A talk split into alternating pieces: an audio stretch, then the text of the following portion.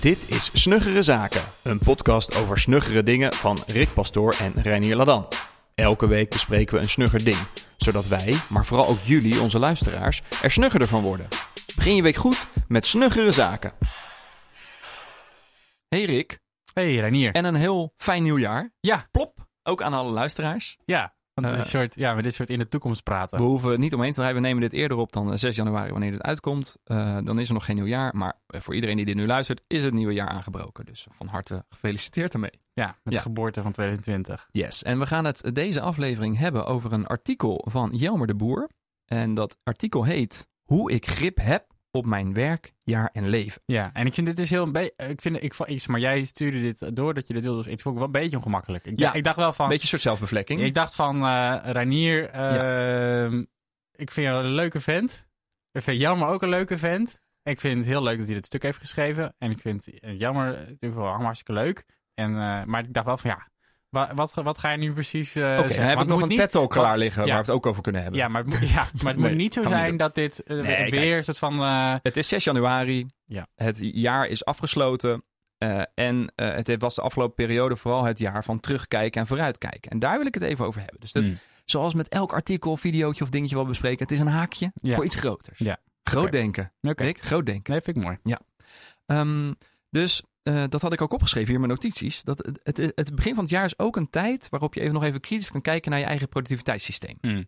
Eh, dus dat is, daar gaat dit artikel ook over, over gewoon algemeen jouw boek. Het is een recensie over jouw boek, Grip. Ja, Ehm, en Jelmer schrijft ook nog eens eh, unieke stukjes. zeker. En ehm, hij denkt ook vaak wel lang na over dingen. Hmm. Dus eh, dat is fijn. Als ik iets van uh, Jelmer lees, dan is er altijd wel goed over nagedacht. Door Ja. hem in ieder geval. Ik hoef het er niet per se mee eens te zijn, maar hij heeft er in ieder geval lang over nagedacht. En hij durft, dat vind ik ook al wat chill, hij durft ook gewoon dingen te zeggen waarvan heel veel Ja. mensen zouden zeggen, nou, dit zou ik niet zomaar eh, op internet Ja, want, want dit, eh, hij heeft eh, hier eh, recent een koffie met jou gedronken over jouw boek en zo. En ondertussen kraakt hij half ook wel ding- dingen af in het boek. Ja, Maar uiteindelijk komt hij tot de conclusie Ja, dat hij toch al wel heel veel dingen doet die in het boek beschreven staan. nee, maar dat vind ik wel fijn. Ja. Ehm, en ik wil dus even specifiek hebben over een jaarplan. Nou, laten we eerst even door het artikel heen gaan.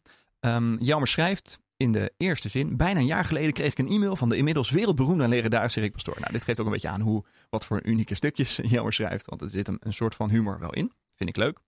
Ehm, eh, en hij gaat verder dat het niet echt... ehm, eh, hij weet inmiddels dat het niet de Bijbel is voor de vastgeroeste kantoorklerk, het boek Grip. En dat de, de accountability partner eigenlijk een, het enige stomme aan het boek is. nou, daar ben ik het dan al gelijk niet met Jelmer eens. Alleen ik heb zelf nog geen accountability partner, daar ga ik wel mee beginnen. Oh, vet. Eh, maar ik vond dat wel het meest uitdagende van het boek. Dat was Hmm. wel iets waar ik het langst tegenaan te hikken zat. En eh, het meest ook, eh, denk ik, wat de grootste impact kan hebben ook op hoe je je werk doet. Of, Ja. of dat je wel de dingen doet die je wil doen en zo. Dus dat, Ja. daar ben ik wel benieuwd naar hoe dat Oh, zich gaat ontvouwen de komende Heel leuk. tijd. Ja. Hoe, ben je, Ehm, hoe, hoe heb je die persoon gevonden? ehm, Of weet die persoon het zelf ja, jawel. Ja, ja, ja. We, hebben, eh, we gaan dat de eerste week van januari doen. Ik zal na de aflevering vertellen wie het is. Ja. Jij kent hem ook eh, ergens van. eh, om het vaag te houden. Ehm, maar ik had het een, een, een tijd geleden gedropt bij hem. Daar kwam hij toen niet op terug. En laatst dacht hij, ik heb ook wel een accountability partner nodig. Toen dacht ik, nou, dan Ah, gaan, we, gaan we eens even erover praten.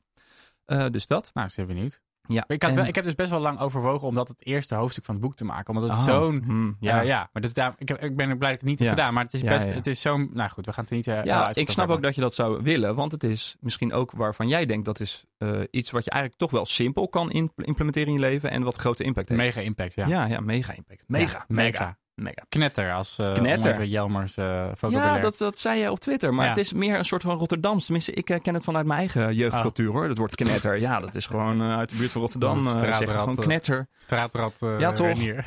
Ja, natuurlijk. Opgegroeid op de straat. nu onderdeel van eh Haute Couture Nederland.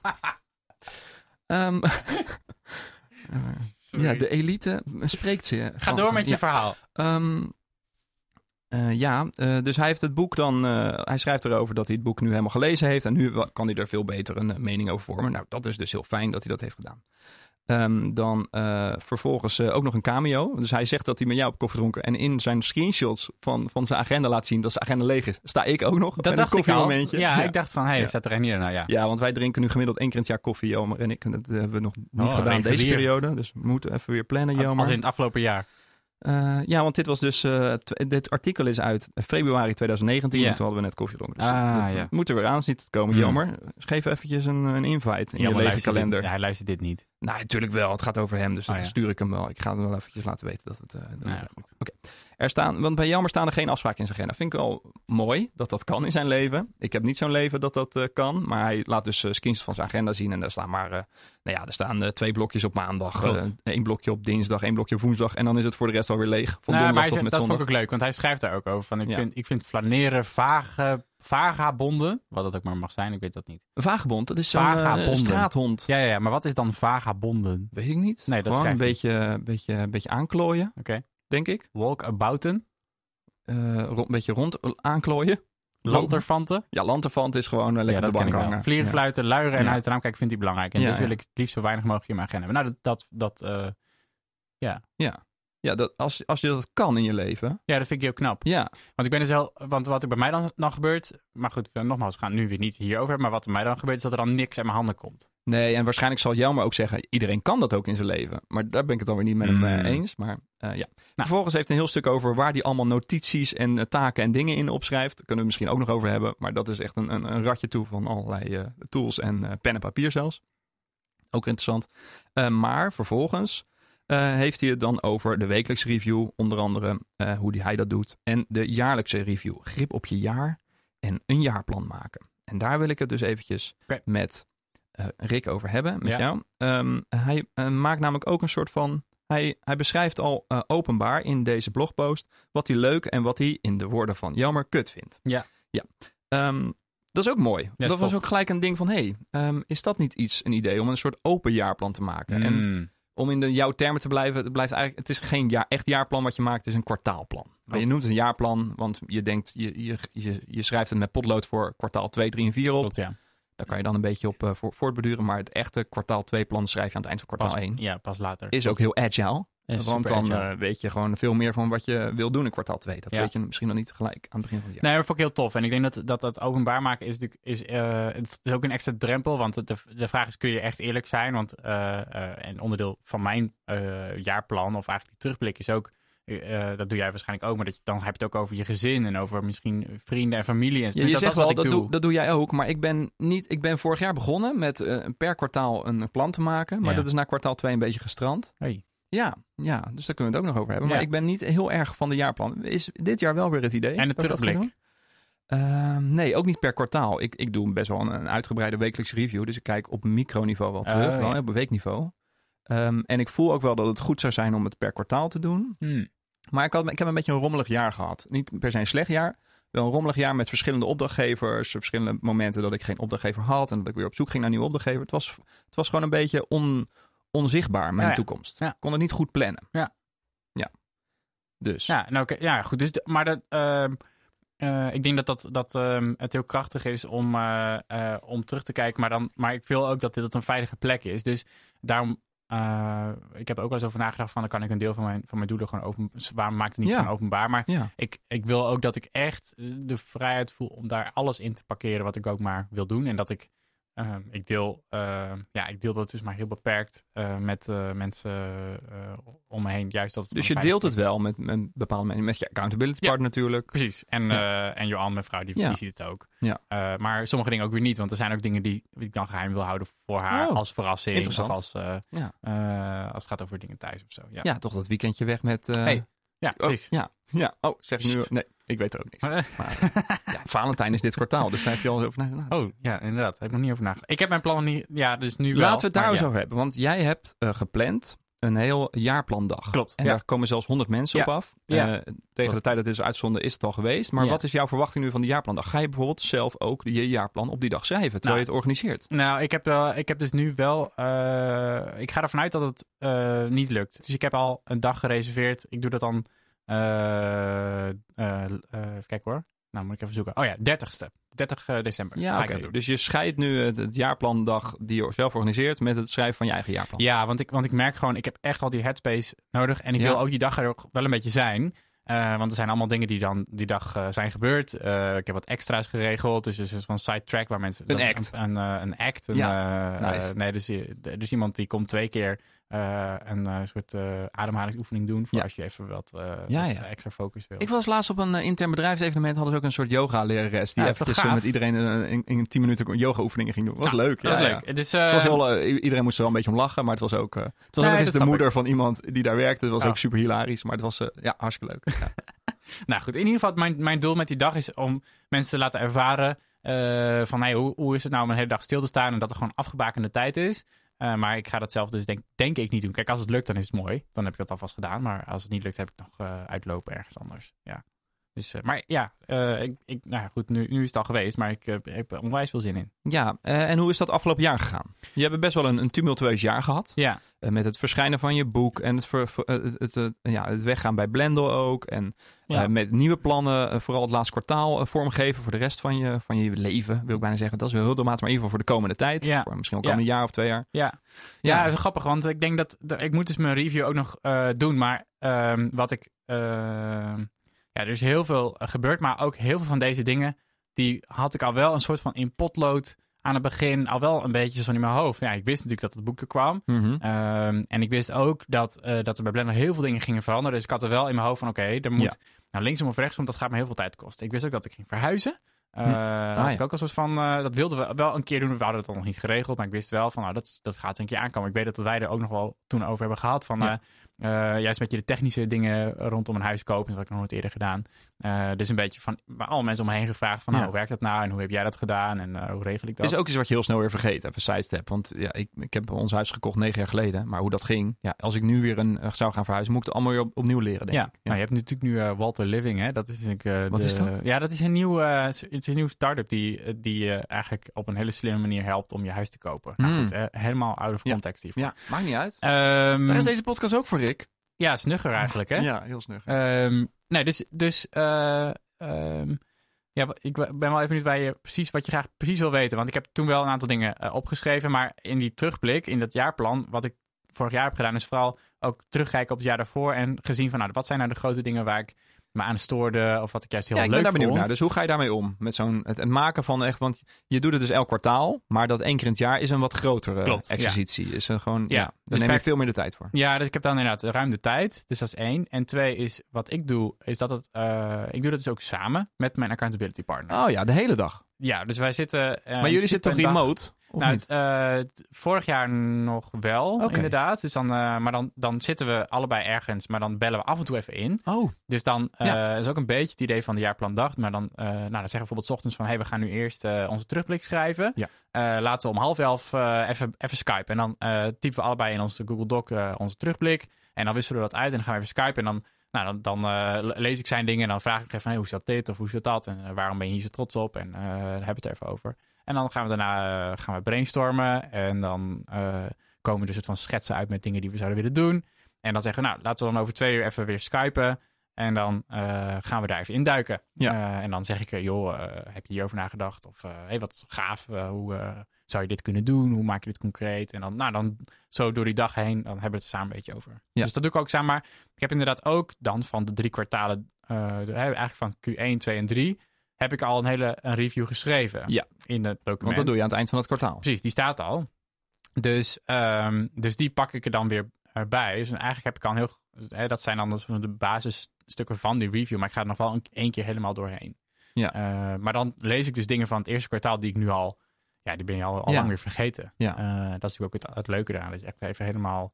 Ja, en hoe zou je dat dan aanpakken als je voor het eerst een jaarplan maakt? Van je die jaardag hebt. Want dan heb je eigenlijk die kwartalen nog niet beschreven. Dan Nee. is het voor het eerst dat je terugkijkt. Je had ook geen plannen gemaakt vooraf misschien. Klopt. Ja, nee, dus daar, dus nou ja, ehm, ja, voor mij is dat, ge- is dat toch vooral beginnen bij de agenda. En, Ja. ehm, eh, want daar staat er eigenlijk nog veel meer in dan je denkt. Hm. Bij, bij, eh, dat zou zelfs voor jou maar zo zijn. Ja, Weet je wel, er zijn al die afspraken staan erin. Ja. En dan denk je, oh ja, ik had met Reinier afgesproken, dat was hartstikke leuk. Ja. Eh, hoe gaat het eigenlijk met Reinier? Nou, Hm. misschien is het toch goed om eens even een keer weer... eh, Tippie hoor, Jelmer. Tippie, ja, misschien is het toch goed om even een keer weer te spreken. Nou, zo, zo zie je gewoon van, oh, dat vond ik hartstikke leuk. Of ik heb in een bepaalde, misschien heb ik in een bepaalde maand met niemand afgesproken. Oh, dat was heel fijn. Eh, want toen was het lekker rustig. En eh, oh, ik had heel veel gepland in die tijd. Nou, was, eh, dat was druk of hectisch of vond ik juist fijn.